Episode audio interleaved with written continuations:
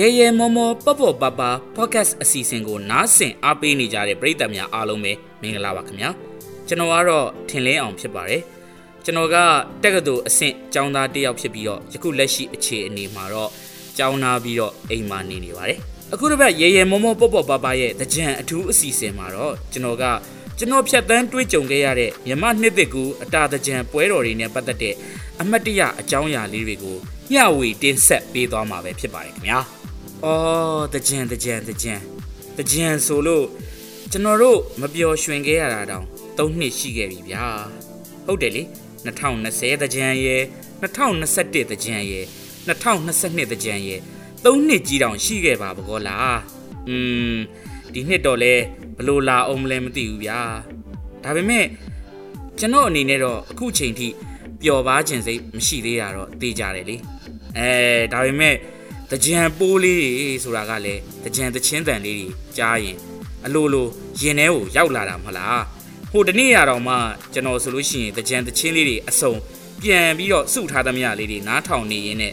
ဟိုးအတိတ်ကာလများစီကပျော်ရွှင်ဆင်နွှဲခဲ့ရတဲ့တကြံပွဲတွေကိုတောင်တွားပြီးတော့တတိယမိသေးတယ်ဗျအဲ့ဒါနဲ့တိုက်တိုက်ဆိုင်ဆိုင်မှာပဲရေရေမောမောပေါ့ပေါ့ပါပါ podcast ရဲ့တကြံအထူးအစီအစဉ်လေးကနားထဲကိုရောက်လာခဲ့တော့ ကျွန်တော်ရဲ့အတိတ်ကာလများစီကတကြံပွဲတော်နဲ့ပတ်သက်တဲ့အမှတ်တရတွေကိုဒီအစီအစဉ်မှာဖွင့်ချဖို့ဖြစ်လာရတော့တာပါပဲဗျာ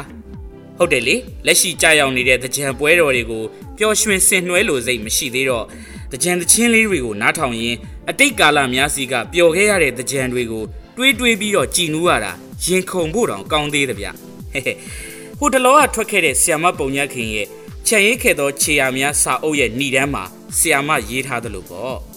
လက်ရှိအခြေအနေမှာဝတ္ထုအသစ်ရေးဖို့စိတ်ညံကွန်မြူးမှုမရှိသေးလို့အတိတ်ကကို့အကြောင်းလေးတွေကိုပြန်ရေးပြီးစာအုပ်ထုတ်လိုက်ရပါတယ်ဆိုသလိုလေကျွန်တော်လည်းအဲ့လိုပေါ့ဗျာအခုလိုအခြေအနေနဲ့တကြံကာလတွေကိုပျော်ရွှင်လိုစိတ်မရှိသေးတာကြောင့်အရင်တုန်းကတကြံကာလတွေကိုပဲတတိယနေတာပေါ့ဒါကြောင့်ရေရေမုံမုံပပပပရဲ့ပြိသက်ကြီးတို့အနေနဲ့လည်းကျွန်တော်ရဲ့အတိတ်ကာလများစီကတကြံအမှတ်တရလေးတွေကိုနားထောင်ရင်းဟိုးအရင်တုန်းကတကြံကာလများစီကိုခိတ္တခဏလောက် ပြန်ပြီးတော့သွားကြည့်လိုက်ကြအောင်နော် Let's go 1 2 3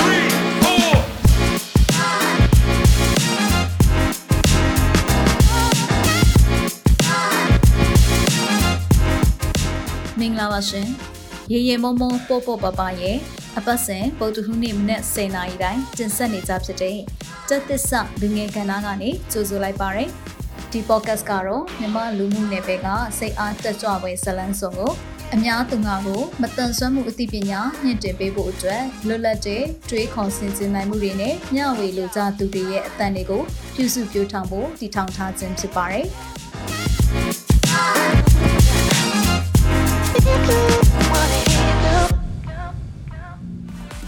ကြင်ရေလောကကြီးအချမ်းကြပါစေပ န်းပြတိုင်လန်းဆင်ကြပါစေအလုံးသနှစ်သစုမကောင်းတောင်းနေကြင်ရေလွန်ပြီးမြန်ကြီးဤကြပါစေအိမ်မက်တို့စိမ့်လန်းကြပါစေအလုံးသနှစ်သစုမကောင်းတောင်းနေဒါကကျွန်တော်လူမှန်းသိတဲ့ခါစားစော့တက်ကစားတတ်တဲ့ကလေးဘဝအရွယ်တုန်းက ဖွင့်ထားရင်နောက်ကနေဆွဲဆွဲမြဲမြဲလိုက်ဆိုတတ်တဲ့သချင်းလေးတစ်ပုတ်ပေါ့ဗျာကျွန်တော်အဖေကဝန်ထမ်းဆိုတော့ကျွန်တော်တို့ကငယ်ငယ်တုန်းကအာဝန်ထမ်းလိုင်းတန်းရခေါ်တာပေါ့နော်အဲ့လိုဝန်ထမ်းမိသားစုတွေနေတဲ့ဝန်ထမ်းအိမ်ယာလေးတွေမှာပဲကျွန်တော်တို့ကနေခဲ့ကြရတယ်ဗျမကွေးတိုင်းဒေသကြီးပေါ့မြို့ရဲ့ဗာဂျီးနီးယားဆေးပေါင်းယုံဝင်းပေါ့နော်ဗာဂျီးနီးယားဆေးပေါင်းစခန်းဌာနမှာကျွန်တော်တို့ကအဲ့မှာနေခဲ့ရတယ်ဗျ အဲ့တော့ကျွန်တော်ငယ်ငယ်တုန်းကဆင်နွှဲခဲ့ရတဲ့တကြံပွဲတော်တွေဆိုတာကလည်းအာအဲ့ဒီမှာရှိတဲ့ဝန်ထမ်းမိသားစုတွေနောက်ပြီးတော့ကျွန်တော်တို့ ਨੇ ရွယ်သူအဲဝန်ထမ်းသားသမီးကလေးငယ်တွေနောက်လူငယ်လူရွယ်တွေသူတို့ ਨੇ အတူတူအဲဆင်နွှဲခဲ့ရတဲ့တကြံပွဲတော်တွေကပဲကျွန်တော်ရဲ့ကလေးဘဝတကြံဖြတ်တန်းမှုကိုစတယ်လို့ဆိုရမှာပေါ့ဒီနေရာမှာတကြံနဲ့ပတ်သက်တဲ့ကျွန်တော်တို့ဒေတာရဲ့ထူးခြားမှုလေးတွေကိုလည်းပြောပြအောင်နေဗျ အာကျွန်တော်တို့ဒေတာမှာကတကြံအကြိုနေဆိုလို့ရှိရင်ဒီဟောမြို့တော်ဝင်မန်တက်တွေပါတယ်ဆိုရင်အဲသူကမနေ့ပိုင်းမှာမဖွင့်ဘူးဗျညနေပိုင်းမှာပဲဖွင့်တယ်အဲ့လိုပဲသူကဟိုရေးတွေပါတယ်ဆိုလို့ရှိရင်လည်းတကြံအကြိုနေမနေ့မှာမပက်ကြဘူးအဲအကြိုနေ့ညနေမှပဲပက်တယ်နောက်ပြီးတော့တကြံအတက်နေကြလို့ရှိရင်လည်းမနက်ပိုင်းကိုမပက်ကြဘူးတကြံအတက်နေပေါ့နော်အတက်နေဆိုရင်လည်းမနက်ပိုင်းကိုပက်တယ်လို့ရှားတယ်ညနေပိုင်းမှာပဲပြန်ပြီးတော့ပက်ကြတယ်ပေါ့နော် အော်ရန်ကုန်လိုမန္တလေးလိုမြို့ကြီးတွေမှာကျတော့အဲ့လိုမဟုတ်ဘူးဗျာဒီသူတို့မြို့တော်ဝန်မန်းတက်တို့ဘာလို့ဆိုလို့ရှိရင်လည်းသူတို့တကြံအကြိုနေ့ကိုမနေ့တည်းကဒါအာဖွင့်ပွဲတွေပါကြီးလုပ်ကြတယ်မန္တလေးမှာဆိုရင်လည်းအဲ့လိုပဲတကြံအကြိုနေ့ကိုမနေ့တည်းကအဲဖွင့်ပွဲတွေပါကြီးလုပ်ကြတယ်ကျွန်တော်တို့မြို့မှာကျတော့အဲ့လိုမျိုးမဟုတ်ဘူးသူကထူးခြားမှုတစ်ခုသူကတကြံအကြိုနေ့ဆိုတာတဲ့အဲတကြံကိုကြိုဆိုတဲ့အနေနဲ့မနေ့ပိုင်းမှာမပက်ရဘူးဒါညနေမှာပဲပက်ရတယ်ပေါ့အဲသူကအဲ့လိုအဲ့လိုအယူဆလေးတွေရှိတယ်တခါ တကြံအတက်နေကြတော့လည်းမပက်ရတော့ဘူးတဲ့မပက်ရတော့ဘူးဆိုတာဘာလို့ဆိုတော့တကြားမင်းကသူကလူပြေမှာမရှိတော့ဘူးပေါ့တကြားမင်းကလူပြေကနေဒါနက်ပြေကိုသူပြန်တက်သွားပြီဆိုတဲ့အယူအဆနဲ့သူကတကြားမင်းမရှိတော့တဲ့အတွက်တကြံပွဲတော့ဆိုတာအတက်နေမနေ့ပိုင်းမှာမရှိဘူးပေါ့အဲဒါပေမဲ့အတက်နေညနေကြရင်တော့သူကပြန်ပက်လို့ရတယ်တဲ့သူအတက်နေညနေကြရင်တော့သူပြန်ပက်လို့ရတယ်ဘာလို့လဲဆိုတော့သူကဒါတကြားမင်း ဒါဆေးတံအိုးမေ့လို့သူကလာပြန်ယူတာတဲ့သူဆေးတံအိုးတကယ်မေ့မမေ့တော့မသိဘူးပေါ့နော်ဒါပေမဲ့ဟောကျွန်တော်တို့ကလူကြီးတွေကမေ့ဆိုတော့လေကျွန်တော်တို့ကတော့ဆေးတံအိုးမေ့လိုက်ရတာပေါ့နော်ကလေးတွေကတော့အဲ့တော့လေအတက်နေမနဲ့မပက်ရအောင်ညနေမှပဲပြန်ပက်ရတယ်ပေါ့နော်အဲ့တော့အဲ့လိုမျိုးတွေပက်ကြရတယ်ဗျဒါပေမဲ့ကျွန်တော်အရွယ်ရောက်လာတဲ့အခါမှာမြို့ကြီးတွေမှာလိုက်ကြည့်တော့အကြိုနေလေတနေကုန်ပက်တာပါပဲဗျာအတက်နေလေတနေကုန်ပက်တာပါပဲဒါကတော့ဒေတာအလိုက်ကွဲသွားတဲ့အာထုံတန်းစင်လာလေးတွေနေမှာပေါ့နော် အမ်ဒါပေမဲ့အခုနောက်ပိုင်းမှာတော့ကျွန်တော်တို့မြို့မှာလည်းသကြံ၄ရက်လုံးမနေ့ရောညနေရောပက်လာတာတွေ့ရပါတယ်အမ်ဟိုအရင်တုန်းကလိုမျိုးအဲ့လိုမျိုးရှိခဲ့တဲ့ထုံတန်းအစင်လာလေးတွေကတော့ခုနောက်ပိုင်းမှာမတွေ့ရတော့ဘူးဗျအမ်ထားပါတော့ကျွန်တော်ရဲ့သကြံအမှတ်တရတွေအကြောင်းပြန်ပြီးတော့ဆက်ရလို့ရှင်တော့ကျွန်တော်တို့ကအဲ့ဗာဂျီးနီးယားစေးပေါင်းရုံဝင်းရဲ့အာဝင်ပေါက်လို့ခေါ်တာပေါ့နော်ဂိတ်မှာအဲ့ဒီစေးပေါင်းရုံဝင်းရဲ့အဝင်မှာကျွန်တော်တို့ကနှစ်စဉ်နှစ်တိုင်းဒါရုံးကဒီ အုံးလက်မန်တက်တွေထိုးတယ်အာအုံးလက်မန်တက်တွေထိုးပြီးတော့ကလေးတွေရောလူငယ်တွေရောလာပြီးတော့အမှရေကစားကြတယ်အာသူကလုံးဝရေကိုမပြတ်အောင်သူတို့လွတ်ထားပေးရပေါ့နော်ရေပိုက်တွေပါတွေအာအဲရေစီပိုင်းတွေပါတွေနဲ့အဲ့လိုရေပေးပါတွေပါတွေနဲ့သူတို့လွတ်ထားပေးရဲအဲ့ဒါတွေရှိရဲနောက်ပြီးတော့အာဒီကြံအကျိုးအကြအကြက်အတက်၄ရက်လုံးမှာလည်းဒီအာစတူဒီတာတွေမျိုးမျိုးကျွေးတယ်ဗျအဲစံပြုတ်တို့ ကြာစံဟင်းတို့နောက်အာမုံလုံးရေပေါ်တို့မုံလက်ဆောင်တို့စတယ်မြန်မာမုံနေပေါ့ဗျာအဲ့ဒါတွေတို့နှစ်တိုင်းကျွေးကြတယ်ဗျကျွန်တော်တို့ကတော့ကျွေးတာစားမယ်ရေပက်မယ်ဒါပဲပေါ့ဗျာအာကလေးဆိုတော့ကျွန်တော်တို့အဲ့လိုပဲပေါ့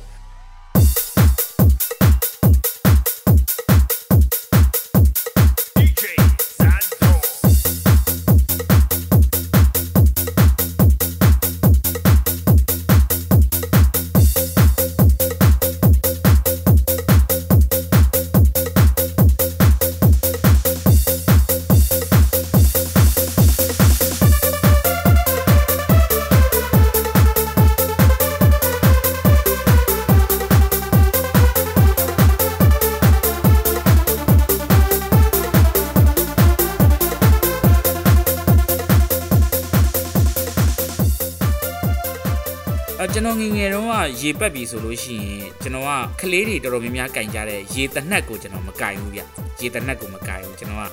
အာဒီရေပြုတ်လို့ခေါ်တာပေါ့နော်ထိုးပြုတ်ပေါ့နော်အဲ့လိုမျိုးဟာကိုကင်နေအဲအဲ့လိုမျိုးဟာကိုကင်တာပို့ပြီးတော့ဟိုလူကိုတိတိကျကျထိရဲလို့ကျွန်တော်စိတ်ထဲမှာကလေးတုန်းကအဲ့လိုထင်တယ်ပေါ့နော်ဘာပဲဆိုတော့ကျွန်တော်ကအဲဘလိုင်းဖြစ်တဲ့အတွက်အဲကျွန်တော်စိတ်ထဲမှာဟိုဒီလိုမျိုးထိုးပြုတ်နဲ့ဇက်တိုက်ပက်နေမယ်ဆိုလို့ရှိရင် तू က အဲဘယ်လိုပြောမလဲပြစ်မလွဲတနက်ပေါ့ဗျာအဲ့လိုပြစ်မလွဲတနက်လိုမျိုးသူကဇက်တိုက်သူကရေကတောက်လျှောက်ထွက်နေရဆိုတော့ကျတော့အာကျွန်တော်အတွက်ကကျတော့ဟိုရှေ့ကနေဖြတ်သွားတဲ့လူရှိရဆိုရင်အဲရေမထိစရာအကြောင်းမရှိဘူးပေါ့နော်ရေမထိစရာအကြောင်းမရှိဘူးဆိုတော့အဲ့လိုမျိုးထိုးပြုတ်တွေကိုကင်တယ်အဲအဲ့ဒါမျိုးနဲ့ငယ်ငယ်တုန်းကတော့ပက်ခဲ့တယ်ပေါ့နော်ဒီလိုနဲ့နည်းနည်းလေးကျွန်တော်9နှစ်10နှစ်အလောက်လောက်အရွယ်ရလာတဲ့အခါကျတော့အဲ့လိုမျိုးထိုးပြုတ်တွေမကင်တော့ဘူးဗျ ဟိုလိုမျိုးတနိုင်တစ်ပိုင်းဟိုရေပုံးလေးပေါ့နော်ရေပုံးလေးကလေးပတ်တဲ့ရေပုံးလေးကင်တာမျိုးရှိတယ်အဲ့ဒါမှမဟုတ်ဘူးဆိုလို့ရှိရင်တော့ဒီရေများများခတ်လို့ရတဲ့ကော်ကွက်ကြီးကြီးတစ်လုံးပေါ့နော်အဲအဲ့ဒါမျိုးကိုကျွန်တော်ကင်နေဗျဘာဖြစ်လို့လဲဆိုတော့ကျွန်တော်ကဒီငယ်ငယ်တည်းကကျွန်တော်အကျင့်ဘာလဲမသိဘူးအဲ့ခွက်ဆောင်ခုတ်ချင်တဲ့အကျင့်ရှိရပေါ့နော်ခွက်ဆောင်ခုတ်ချင်တဲ့အကျင့်ရှိရအဲ့ကျွန်တော်ကဟိုဘလိုင်းဖြစ်တဲ့အခါကျတော့ဘယ်လိုလုပ်လဲဆိုလို့ရှိရင်တော့အဲ ကျွန်ကျွန်တော်ရှေ့မှာဖြတ်သွားတဲ့ဒီဆိုင်ကယ်တွေနောက်ကားတွေရဲ့အတန်ကိုမှန်းပြီးတော့ကျွန်တော်ရှေ့ကိုကွက်တီရောက်ပြီဆိုတာနဲ့အဲကျွန်တော်လှမ်းပြီးတော့ခွက်ဆောင်ခုတ်တဲ့ပုံစံမျိုးနဲ့ပက်ချရတယ်ပေါ့ဗျာပက်ချရတဲ့ခါကျတော့အော်ထိတဲ့သူလည်းထိတာပဲအာကျွန်တော်ကအဲ့ခွက်ဆောင်ခုတ်တဲ့အကျင့်ကငငယ်တည်းကဖြစ်နေတဲ့ခါကျတော့အဲ့လိုမျိုးအာထိလိုက်ပြီဆိုလို့ရှိရင်လည်းမတက်တာဘူးပေါ့နော်အဲတချို့လူတွေဆိုလို့ရှိရင်ဘယ်လိုပြောရမလဲကျွန်တော်ပတ်တာမထိလောက်ဘူးဆိုပြီးတော့အဲ့လိုမျိုးဆိုင်ကယ်တွေကားတွေဆိုပေါ့ပေါ့ဆဆနဲ့စီးသွားကြတယ်မောင်းသွားကြတယ်အဲ့ချိန်မှာကျွန်တော်က ပြန်ကနေပက်ချလိုက်လို့ရှိရင်အာဒီကောင်လေးမြင်လဲမမြင်မနဲ့ပတ်တာတဲ့တယ်ဟာတော့ခါတော့သိရမလားအဲ့လိုမျိုးလေးအာပြောသွားကြတာမျိုးလေးရှိရပေါ့နော်ဒါကတော့အာကျွန်တော်တို့ဒီဗာဂျီးနီးယားဆေးပေါင်းရုံဝင်းရဲ့ရှေ့ကတကြံမတ်တက်မှာပတ်ခဲ့တဲ့အတွေ့အကြုံလေးပေါ့အဲ့ဒီအရွယ်တုန်းကတော့ကိုယ်ကဲ့ရတဲ့သဘောနဲ့ပြောတာလားဘာလားတော့မသိဘူးပေါ့ဗျာ အာဒါပေမဲ့လည်းအဲအဲငါပတ်တာထိရဟာဆိုပြီးတော့အဲ့လိုပဲဂျင်းနဲ့နေခဲ့တာပေါ့နော်နောက်ပြီးတော့အိမ်ကကျွန်တော်ကိုတကြံဆိုရင်မဖြစ်မနေဝယ်ပေးရတဲ့ပစ္စည်းတစ်ခုလည်းရှိသေးရဲ့ဗျအဲ့ဒါကတော့ဘာလဲဆိုရင်တော့ whistle ပေါ့လေ whistle ပေါ့အဲမသိရင်တော့မော်တော်ဘီကယ်ကြာနေတာသိရမလားဆိုင်ငယ်တွေကားတွေလာရင်တားပြီးတော့ပက်ဖို့ဆိုတာပါသေးရဲ့အဲ့လိုပြောပြီးတော့ကျွန်တော်ကဒါအိမ်ကိုပူစားတာပေါ့နော်အဲ့ဒါကြောင့်မလို့အိမ်ကကျွန်တော်အဲ့လိုမျိုးအာ ခရာတစ်ခုပေါ့နော်အဲ့ဒါကတော့နှစ်တိုင်းကျွန်တော်ဝယ်ပေးရတယ်ဗျအဲတစ်နှစ်ကိုကျွန်တော်လည်းတစ်ခုတစ်ခုအဲ့လိုဖြောက်ဖြောက်ပြစ်တာပေါ့နော်အာဆိုင်ငယ်တွေကားတွေလာပြီဆိုလို့ရှိရင်အဲလက်လေးကိုပြပြီးတော့ရွှီဆိုမှုတ်လိုက်အဲရက်ပေးတဲ့လူကြတော့လေဟောသူရက်ပေးတာပေါ့နော်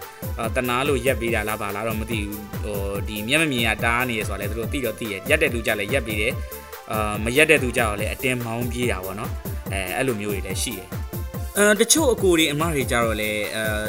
သူတို့ကဆိုင်ကယ်ရင်းနဲ့စီးလာတယ်ကျွန်တော်ကတားတယ်ဆိုလို့ရှိရင်သူတို့ကရက်ပေးတယ်ပေါ့ရက်ပေးပြီးရမှာသူကဘလို့တောင်ပြောလဲဆိုရင်အေးမောင်လေးလောင်းလောင်းလောင်းအဲညီလေးလောင်းလောင်းလောင်းစသဖြင့်ပေါ့နော်အဲ့လိုမျိုးအဲကျင်းနေပြီလားကျင်းနေအောင်လောင်းတော့အဲလောင်းလောင်းလောင်းအဲရပြီလားရပြီလားကျင်းနေသွားတော့မယ်နော်ဆိုအဲအဲ့လိုမျိုးဆိုင်ကယ်ကိုလုံးလုံးကြီးရက်ပေးထားပြီးပြီးမှအဲ့လိုကားတွေကိုလုံးလုံးကြီးရက်ပေးထားပြီးမှကျွန်တော်ကျင်းနေပြီဆိုမှဒါထွက်သွားကြတဲ့သူတွေလည်းရှိရပါတော့ဒါကတော့ အာအဲ့ချိန်တုန်းကတော့ကိုကလောင်းရရင်ပျော်နေရပဲလေသူတို့စိတ်ထဲမှာတော့ဩမောင်ပလိုင်းလေးငါရက်ပေးမှ तू ပက်ရမှာပါဆိုတဲ့စိတ်နဲ့ရက်ပေးတာလားဘာလား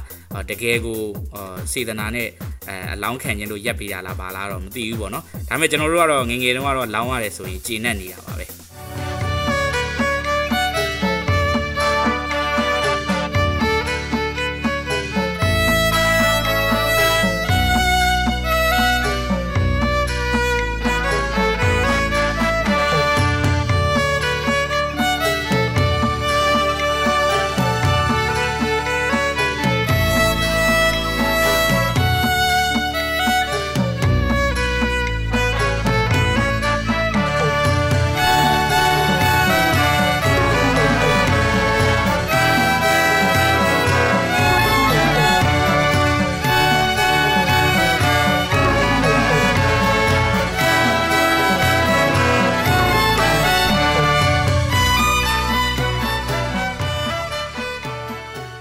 လိုနဲ့2010ပြည့်နှစ်ကိုရောက်တဲ့အခါကျတော့အဖေကပင်စင်ယူလိုက်ရပြီပေါ့နော်အဲ့ခါကျတော့ကျွန်တော်တို့လည်းရက်ွက်ထဲကိုပြောင်းလာခဲ့ရပြီပေါ့နော်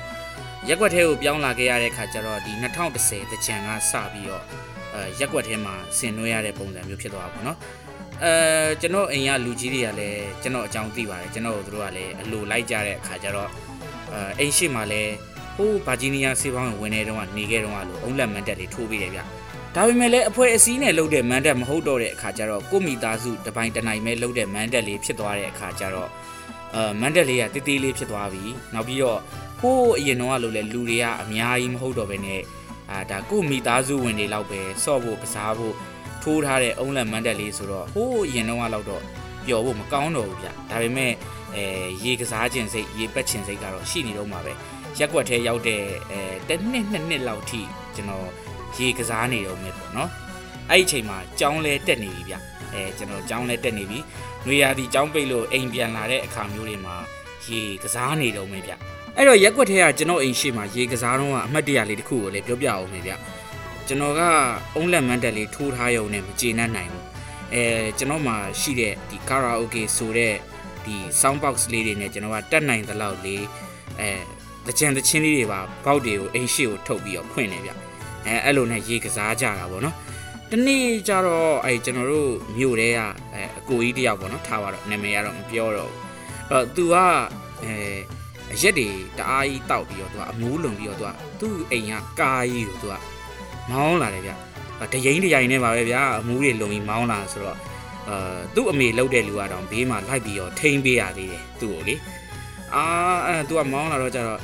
အဲဘေးနားလူတွေကပြောကြတာပေါ့နော်အာအမူးသမားကြီးမပက်နဲ့မပက်နဲ့ဒါပက်လို့ရှိရင်နင့်ကိုဆင်းပြီးတော့ရန်ရှာလိုက်မယ်နော်ဘာဖြစ်တယ်ညာဖြစ်တယ်နဲ့ပြောကြတာပေါ့နော်ကျွန်တော်ကလက်မခံဘူးအာတကြံလွင်းရေပက်တာပဲပက်မှာဘာဖြစ်လဲဆိုမှအဲ့ဒါပက်ချလိုက်တာကံမကောင်းကျင်တော့ကြတော့မလွဲဘူးဗျာဟိုမရှောင်ရင်လွတ်တယ်ဆိုတော့တွတ်ပြီလို့ပဲသိရမလားအဲ့ခါကျမှသူ့ကိုတဲ့တဲ့ဘန်းကနေသွားပြီးတော့ရေကစိုးတယ်ပေါ့နော်အဲ့ဒါနဲ့သူ့ကိုရေစိုးသွားတဲ့အခါကျတော့သူ့ရဲ့ကားပေါ်မှာပါလာတဲ့ဒုတ်ကြီးကိုဆွဲပြီးတော့ဆင်းလာတယ်ဗျ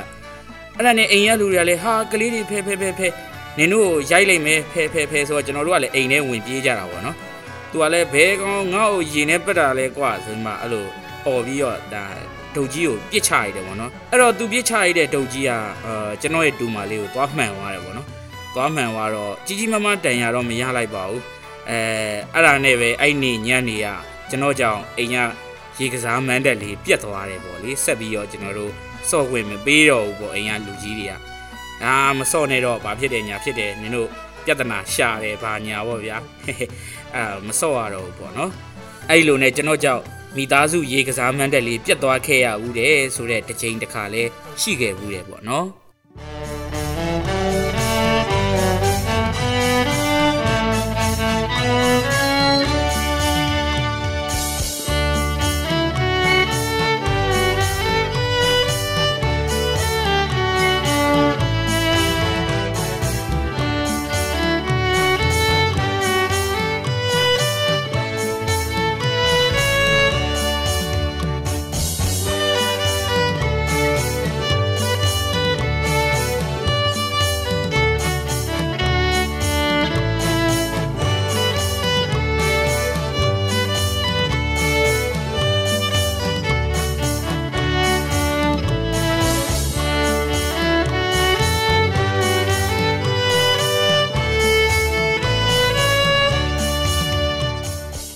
နောက်တစ်ခုကတကြံလေတာနဲ့ပတ်သက်တဲ့အမှတ်တရလေးတွေကိုလည်းပြောပြခြင်းသေးရဲ့ဗျအဲ့ဒါဘယ်အချိန်တည်းကကျွန်တော်တကြံလေဘူးလဲဆိုတော့ကျွန်တော်ငယ်ငယ်ဗာဂျီးနီးယားဆေးပါရုံဝင်းထဲမှာနေခဲ့ရတဲ့အချိန်ကလေးကလို့ပဲပြောရမှာပေါ့နော်ရုံးမှာကားတွေရှိရပေါ့နော်ရုံးကားတွေရှိတယ်အဲ့ဒီကားတွေကိုတကြံတွင်ရောက်တဲ့အခါကျတော့ကျွန်တော်တို့အဲဝန်ထမ်းမိသားစုတွေကိုတကြံလေဖို့အတွက်ဆိုပြီးတော့ကားပေးသုံးတယ်ပေါ့နော်ရုံးကကားပေးသုံးတယ်အဲ့ခါကျတော့ကျွန်တော်တို့မြို့လေးတစ်ပတ်ပတ်ပြီးတော့လေကြတာမျိုးလည်းရှိရဲအဲတခါလေကြားလို့ရှိရင်ရွာတွေထိသွားတယ်ပေါ့နော် အဲ့လိုမျိုးသွားပြီးတော့အဲကျွန်တော်တို့ ਨੇ လက်လန်းမိသလောက်ထိပေါ့နော်ကျွန်တော်တို့ပေါင်းမျိုးနယ်အတွင်းပေါ့နော်အဲ့လိုရွာလေးတွေထိသွားပြီးတော့လဲကြတာမျိုးလေးရှိရဲအဲအဲ့ခါကြလို့ရှိရင်လေအောက်ကရေပက်တဲ့သူတွေနဲ့အာကားပေါ်ကရေပက်ခံထွက်လာတဲ့ကျွန်တော်တို့ ਨੇ နောက်လိုက်ပြောင်းလိုက်ပြောလိုက်ဆိုလိုက်နေပေါ့နော်အာအဲ့လိုမျိုးလေးလည်းရှိရဲဗျအဲငငယ်တည်းကကျွန်တော်တို့အဲ့လိုမျိုးတန်ကြက်တွေပါတွေထိုးပြီးရကြမှာအဲ့လိုမျိုးအဲအမေချွေးမပြောက်လို့ရှာတွေ့ပြီးတွေ့ပြီးသူပဲသူပဲတို့ဘာတို့တွေပေါ့နော်အဲ့လိုမျိုးတွေဆိုလိုက် အာရေဘက်ခံရှောက်ပြီးတော့ထွက်ကြတယ်အဲအောက်ကရေလှမ်းပက်တဲ့သူတွေလည်းနှောက်တာပေါ့နော်ရေကုန်ပြီလားဒီလောက်ပဲရှိတော့တာလားတို့ဘာတို့အဲအဲ့လိုမျိုးတစ်ခါလေကြားလို့ရှိရင်အောက်ကရေပက်တဲ့လူတွေကကျွန်တော်နဲ့သိတဲ့လူတွေနဲ့တွေ့ရင်လည်းကျွန်တော်ပါမှန်းသိရဆိုလို့ရှိရင်ကျွန်တော်ကိုလမ်းပြီးတော့အာခေါ်ကြတယ်ပေါ့နော်အာကျွန်တော်ကိုဒီဘက်မှာအဲကျွန်တော်ဒေတာမှာပေါက်စီလို့ပဲလူသိများတာဆိုတော့ကျတော့ဟာပေါက်စီပါလာလားပက်တယ်ကွာပက်တယ်ကွာဆိုအဲ့လိုမျိုးတွေပေါ့နော်အဲအဲ့လိုမျိုးရှိရကျွန်တော်ကလည်းအပေါ်ကနေပြန်ပြီးတော့နောက်လိုက်ပြောင်းလိုက်နေ ငငယ်လေးကအဲ့လိုမျိုးတကြံကိုကားနဲ့လဲခဲ့ရဘူးလားမျိုးလေးရှိရပေါ့နော်ဒီလိုနဲ့အသက်အရွယ်ရလာတဲ့အခါကျတော့ဒီ2019 2018အဲ့လိုကာလမျိုးတွေတကြံကိုအိမ်ပြန်နေဆိုလို့ရှိရင်တော့အာကားနဲ့မလဲတော့ဘူးဗျအဲ့ခါကျတော့ဆိုင်ကယ်နဲ့ဖြစ်သွားပြီဆိုင်ကယ်နဲ့လဲတယ်ဆိုတာကလည်းဗျာအမ်ကျွန်တော်ညီလေးတယောက်လိုခင်တဲ့အကိုတယောက်ရှိရဗျ။ तू ကနှစ်တိုင်းနှစ်တိုင်းကျွန်တော်တစ်နှစ်ကိုတစ်ရက်အဲ့လိုမျိုးသူ့ရဲ့ဆိုင်ကယ်နဲ့ အဲတကြံကိုလိုက်လေပေးတယ်ပေါ့နော်လိုက်လေပေးတယ်သူကသူလွတ်လွတ်လပ်လပ်သွားမယ့်နေရာကိုမသွားဘူးကျွန်တော်တကူတကခေါ်ပြီးတော့ဟိုသူကအဲလိုက်ပို့ပေးရပေါ့နော်တကူထူးဆန်းတာသူနဲ့လဲတဲ့အခါကျလို့ရှိရင်နောက်မှာကျွန်တော်ပါလာတယ်ဆိုလို့ရှိရင်လူတွေကတိတ်ပြီးတော့မပက်ကြဘူးဗျတိတ်ပြီးတော့မပက်ကြတဲ့အခါကျတော့ကျွန်တော်သူ့ကိုမေးကြည့်တယ်အကိုဘာဖြစ်လို့ကျွန်တော်တို့မပက်ကြတာလဲဆိုတော့အဲ့ဒါတဲ့မင်းပါလာလို့กว่าတဲ့ငါတယောက်တည်းဆိုလို့ရှိရင်ပက်တယ်တဲ့အဲ့တော့ကျွန်တော်လည်းစဉ်းစားရတာပေါ့နော် ဟောဘာဖြစ်လို့ကျွန်တော်ပါရင်မပက်တာလဲပေါ့နော်อืมအဲ့လိုစဉ်းစားလိုက်တဲ့အခါကျတော့လေနောက်ဆုံးထွက်လာတဲ့အဖြေကရှင်းရှင်းလေးပါပဲအဲ့ဒါဘာလဲဆိုတော့ကျွန်တော်ကမျက်မမြင်တယောက်ဖြစ်နေလို့ပေါ့ဗျာနောက်တစ်ခုကတော့ကျောင်းမှာလဲခဲ့ရတဲ့တကြံအမှတ်တရဗျရှာရှာပါပါကျောင်းမှာကြံခဲ့တဲ့နှစ်တွေဆိုလို့ရှိရင်တကြံလဲဘူးတာဆိုလို့ကျွန်တော်တို့နောက်ဆုံးပျော်ခဲ့ရတဲ့2019တကြံပဲရှိရပေါ့နော်ကျောင်းကလိုက်ပို့တဲ့တကြံတွေကိုဘာဖြစ်လို့မလဲတာလဲဆိုလို့ရှိရင်တော့ အမှန်တိုင်းပြောရလို့ရှိရင်တော့အဝေးကြီးတွေလိုက်မပို့လို့ပေါ့လေအဝေးကြီးတွေလိုက်မပို့လို့ပေါ့ဒီနာကိုမြို့နယ်ထဲမှာရှိရဲ့လမ်းလေးရက်ွက်လေးတပတ်နှစ်ပတ်နည်းနည်းပါးပါးလိုက်ပို့တာလေးလောက်ကတော့อืมအင်ကြီးတစ်ထဲတောင်ရေဆိုခြင်းမဆိုမှာလေနော်အဲ့တော့လေဘာလို့လိုက်နေတော့မှလဲမလိုက်တော့ဘူးပေါ့လေအဲ့တော့ဒီနှစ်ကကြတော့အဝေးကြီးလိုက်ပို့မယ်ဆိုပြီးတော့အဲ့2019တကြံမှာကျွန်တော်တို့သွားပြီးတော့လဲကြတယ်ပေါ့နော်ပထမရက်မှာဘယ်အထိတောင်ရောက်သွားလဲဆိုရင်အဲ့လိုမျိုးရန်ကုန်မြို့အနှံ့နီးပါပဲအဲ့လိုရောက်တယ် ပြီးတော့အာကျွန်တော်တို့ forever ရေကစားမန်တက်ပေါ့နော် forever ရေကစားမန်တက်ကိုလည်းရောက်ခဲ့တယ်ပေါ့နော်အဲ့မှာအမှတ်တရဖြစ်တာတခုလည်းပြောပြအောင်မယ်အာကျွန်တော်တို့ကတော့ forever ရေကစားမန်တက်ရောက်ပြီးဆိုတော့အာအမှဆိုရိုရီနဲ့ရှိုးပွဲတွေကြည့်မယ်ဘာညာဆိုပြီးတော့ခက်တီနဲ့ဝင်ချသွားတာပေါ့နော်အဲ့ဒီ2019တကြံတော့ကကျတော့သူကဘလို့လောက်ထားရလဲဆိုလို့ရှိရင်လမ်းရဲ့တစ်ဖက်မှာကဒီဖြောပြေးစင်မြင့်ရှိတယ်လမ်းရဲ့တစ်ဖက်မှာကျတော့ ဖူဒီကွင်းပေါ့နော်ဖူဒီကွင်းရှိတယ်သူကအမှအစားအသောက်တွေပဲရောင်းတဲ့အတန်းပေါ့နော်အဲသူတို့စီစဉ်ထားတာကတော့အဲတကြံရေကစားလို့ပိုက်စားလာပြီဆိုရင်ဒီဘက်ကဖူဒီကွင်းမှာလာပြီးတော့စားကြင်တာဝယ်စားလို့ရတယ်ဆိုတဲ့အနေထားပေါ့နော်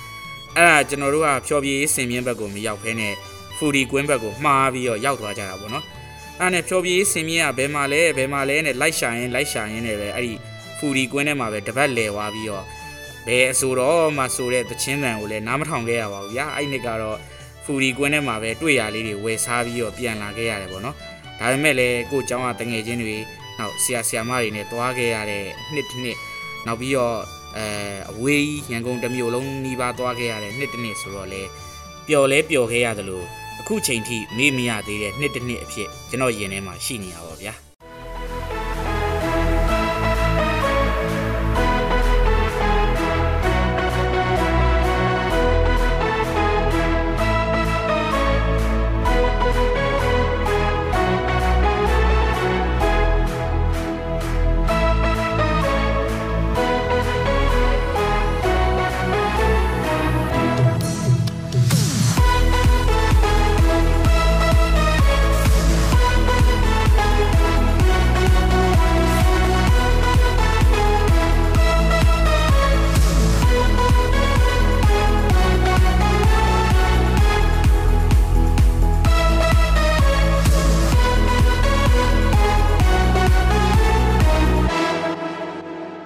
နောက်ဆုံးတစ်ခုအနေနဲ့ပြောပြချင်တာကတော့ဖြောပြေးစင်မြင့်တွေပေါ်မှာကြုံခဲ့ရတဲ့ကျွန်တော်ရဲ့တကြံအမှတ်တရတွေအကြောင်းပေါ့ဗျာ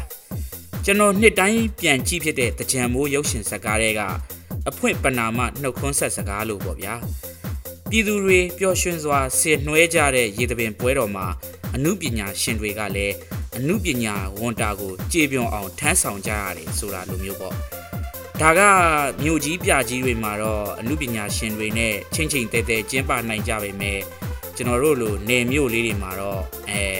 ကျွန်တော်တို့လိုဝါသနာရှင်တွေအဲနောက်ပြီးတော့အခြားရက်ွက်ထဲကရင်းသမားလေးတွေရဲ့အကလေးတွေနဲ့ပဲဒါကျင်းနဲ့နှစ်သိမ့်ကြရတယ်ပေါ့ဗျာအဲ့တော့ကျွန်တော်လဲကျွန်တော်မြို့နယ်ကဖြော်ပြရေးစင်မြင့်တွေပေါ်မှာတကြံနဲ့ပတ်သက်တဲ့အမှတ်တရလေးတွေကလည်းရှိနေသေးတာပေါ့ ဖြော်ပြရေးမန်တက်တွေမှာတချင်းလိုက်ဆိုတာနဲ့ပတ်သက်လို့ကတော့ကျွန်တော်ငငယ်တည်းကစတယ်လို့ပြောရမှာပေါ့နော်ကျွန်တော်ရက်ွက်ကမန်တက်လေးမှာဆိုတယ်အဲနောက်ပြီးတော့ဗဟိုမန်တက်လို့ခေါ်တဲ့အဲမြို့လုံးကျုပ်လာကြည့်ကြတဲ့မန်တက်ပေါ့နော်အဲအဲ့ဒီမှာလဲဆိုတယ်ပေါ့နော်အဲ့ဒီလိုဖြောပြင်းမန်တက်တွေမှာတချင်းလိုက်ဆိုတဲ့နှစ်တွေမှာကျွန်တော်ကိုအရန်အားပေးခဲ့ကြတဲ့နှစ်တစ်နှစ်ရှိရဗျအဲ့ဒါက2009ပေါ့နော်2009တုန်းကတချင်းခွေတစ်ခွေအစ်စ်ထွက်လာတယ်ဗျအဲ့ဒါက Master the Gen 3ပေါ့နော် Master the Gen 3ထွက်လာတယ်တော်တော်များများကကျွန်တော်တို့နေမြို့လေးတွေကမန်တက်ကကြတော့ရိအကတွေဘာတွေနဲ့ကတာဆိုတော့ကြတော့မြန်မာတန်စင်တကြံတချင်းတွေကိုပဲအသုံးများတယ်ပေါ့နော်အဲ့ဒီမှာကျွန်တော်ကဖောက်ထွက်ပြီးတော့အသားနဲ့နဲ့မဲတယ်မိမတော့ရှိတယ်နည်းနည်းတော့မဲလို့ရပါသေးတယ်သေးတယ်အသားနဲ့နဲ့မဲတယ်မိမတော့ရှိတယ်နည်းနည်းတော့မဲလို့ရပါသေးတယ်သေးတယ်လက် မတွေ့တယ်မမှန်မိဘူးအကမလေးတွေပြောနေချတယ်ဟဲလီဒီယောမိမရတော့စောတယ်စောတယ်ဒါရီလည်းမမှုပါဘူးအပြေကိုရှောက်ရင်လမ်းမဲ့လမ်းမဲ့မိမတို့ပြတ်ကနေကိုပို့မဲ့ပို့မဲ့ပို့မဲ့ဟဲလေးရဲ့မုန်းနဲ့မုန်းနဲ့တချင်းကိုကျွန်တော်ကကောက်ဆိုလိုက်တယ်ပေါ့နော်ကောက်ဆိုလိုက်တဲ့ခါကျတော့အာအားလုံးကမြူးကြွခုံပေါက်ပြီးတော့ကျွန်တော်အမှန်ကန်နေအားပေးခဲ့ကြတယ်ပေါ့နော်အဲ့ဒီနှစ်ကလေးကနှစ်တိုင်းကျွန်တော်ဟာ တကြံမတက်ဒီမှာတချင်းလိုက်မဆိုဘူးလားတချင်းလိုက်မဆိုဘူးလားနဲ့ကျွန်တော်တကြံနားနီးပြီဆိုလို့ရှိရင်လာလာမေးကြတယ်ပေါ့နော်နောက်တစ်ခုကဒီ2012လား2013လားမသိကျွန်တော်မှတ်မိတော့အဲ့တကြံပဲဒါပေမဲ့နှစ်နှစ်ဇက်တိုက်ဆိုခဲ့ရတယ်ပေါ့နော်အဲ့ဒါကလည်းကျွန်တော်ထွင်လိုက်တာပဲထွင်လိုက်တာပဲဆိုတာတချင်းခွေတစ်ခွေအဲ့ဒီကာလာလောက်ကလည်းအစ်စ်ထွက်လာပြန်တယ်ဗျဟိုနှစ်ခွေတွဲပေါ့နော်တကြံမှာရင်တွေခုံတာပေါ့ဆိုတော့အဲ့ဟိုဟာအခွေနှစ်ခွေတွဲထွက်လာတယ်အဲ့ထက်မှာဒီလွမ်းပိုင်ရဲ့ Miss Padal ဆိုတဲ့တချင်းပါတယ်ပေါ့နော် မင်္ဂလာပါနနက်ခင်းမတင်ပေါကဝင်လာတဲ့ဒီလေးညင်ရင်ကုန်ချင်းတင်းနှလုံးနဲ့ပြောစရာတို့နေရတို့ရဲ့သုံးချိန်ဟာခဏတွင်အိုရင်ကုန်တန်တွေကုန်သက်တွင်အထင်မဲ့ပဲတွေး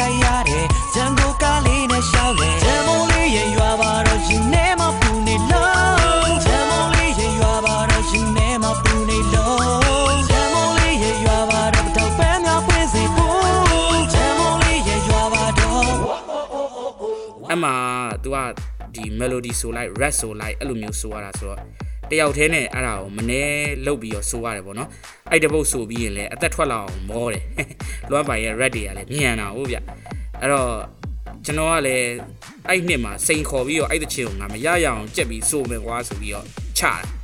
အဲရလဲရတယ်ပေါ့နော်အောင်လဲအောင်မြင်တယ်အာအဲ့လိုနှစ်တွေမှာဆိုလို့ရှိရင်လည်းဟာကျွန်တော်ဟာဒီကလေးလေးမျက်လုံးတာမမြင်တာတော်တယ်နော်သူတို့မျက်မြင်နေရဒီလိုပဲဆိုတတ်ကြတယ်ဘာဖြစ်တယ်ညာဖြစ်တယ်ဆိုပြီးတော့ အာချီကျူးခံခဲ့ရတဲ့နှစ်တွေအများကြီးပေါ့နော်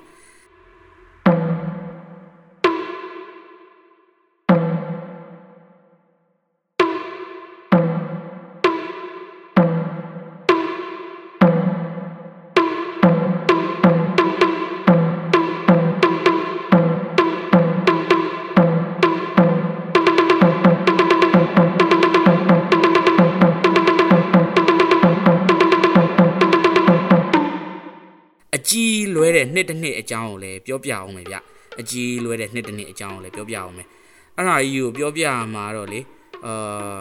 လူရှင်တော်တွေပြက်လုံးပြက်တယ်လို့ပဲရှက်လဲရှက်ပါတယ်ရှက်လဲမရှက်တော့ဘူးဆိုတဲ့ပုံစံမျိုးပေါ့နော်အစတုန်းကတော့မပြောတော့ဘူးလို့နေတာအခုကျမှလူစုံလို့ရှင်းပြရတာပါဆိုတဲ့ပြက်လုံးလိုပဲပေါ့ဗျာအဲ့လိုပဲကျွန်တော်လည်းပြောပြပါတော့မယ်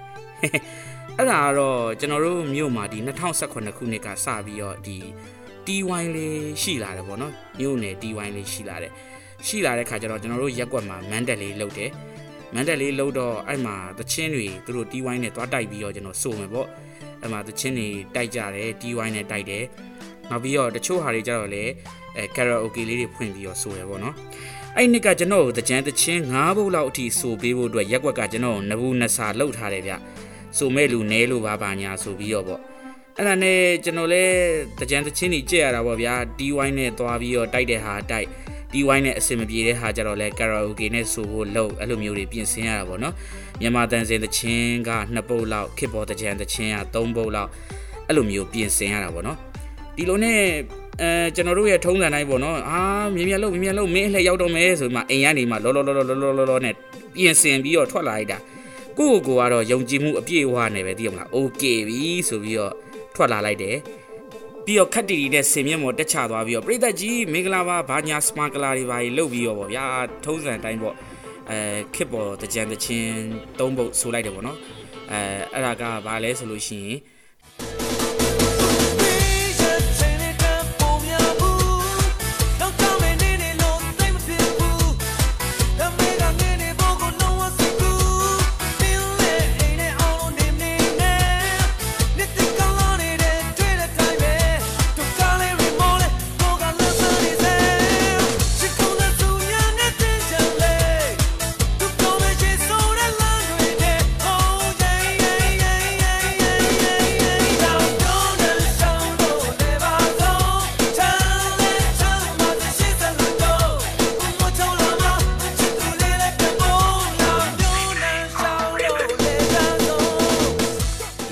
မ်မက်တကြံနဲ့ကအာဇာနီရဲ့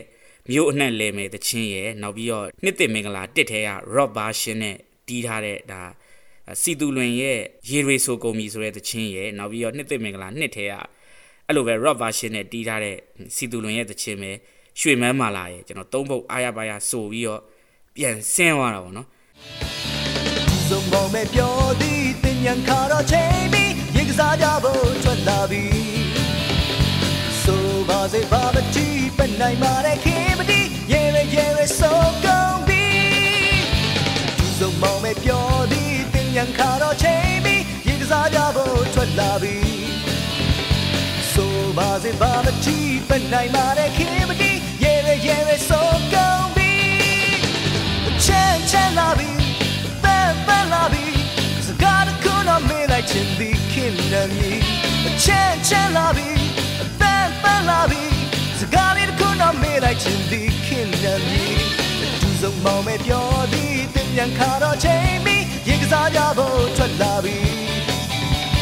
ဆိုပါစေဘာမတီးပနိုင်မာတဲ့ခင်မတီးရေရရေရဆိုကုန်ပြီပြပြနီနီဝါဝါဝေးစာမျိုးလုံးတွင်ဟောတယုံဟောတယုံပန်းမျိုးစုံတဲ့ပြင်ရွှေမမလာပန်းဥယေရှုမကြီးအောင်မေ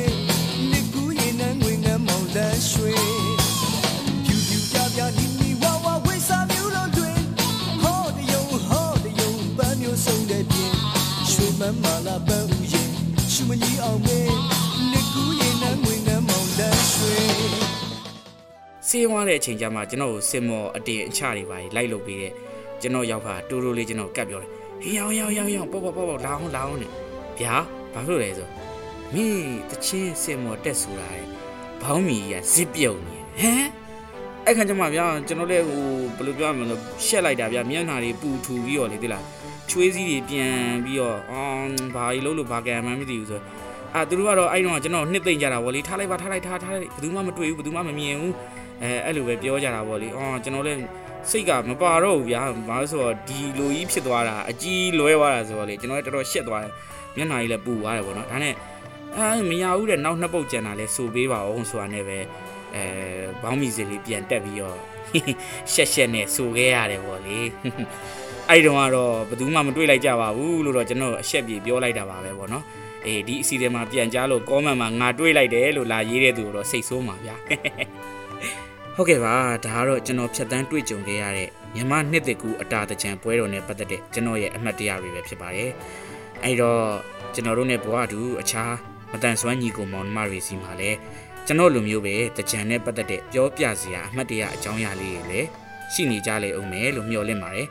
အဲတော့တခြားညီကိုမောင်နှမတွေရဲ့တကြံအမှတ်တရလေးတွေကိုလည်းကျွန်တော်စောင့်ပြီးတော့နားထောင်နေပါဦးမယ်ကျွန်တော်ရဲ့အစီအစဉ်လေးကတော့ဒီမျှပါပဲအဲ့တော့လာမယ့်အနာဂတ်ကာလရဲ့မြမနှစ်တကူအတာတကြံပွဲတော်တွေမှာတော့ဟိုးအရင်တုန်းကလိုပဲတတိုင်းတစ်ပြည်လုံးပျော်ရွှင်ကြည်နူးရင်ခုန်ရတဲ့မြမအတာတကြံနှစ်သက်တွေကိုပြန်လဲပိုင်ဆိုင်နိုင်ကြပါစေလို့ဆုတောင်းပေးရင်းနဲ့ပဲအားလုံးကိုနှုတ်ဆက်လိုက်ပါတယ်ကျေးဇူးအများကြီးတင်ပါတယ် ခ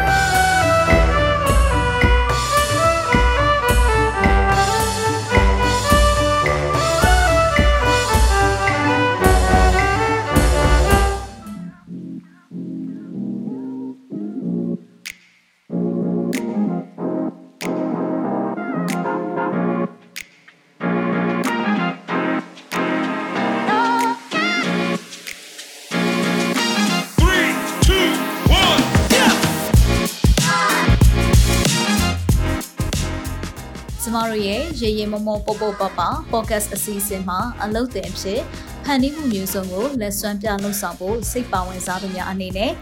Google Form ကနေပြီးတော့မှမိမိတို့ရဲ့မှတ်ပုံတင်ရှင်းနှောင်းနဲ့အလှတက်ပုံတစ်ပုံအပြင်နမူနာလက်ရာတစ်ခုနဲ့အတူ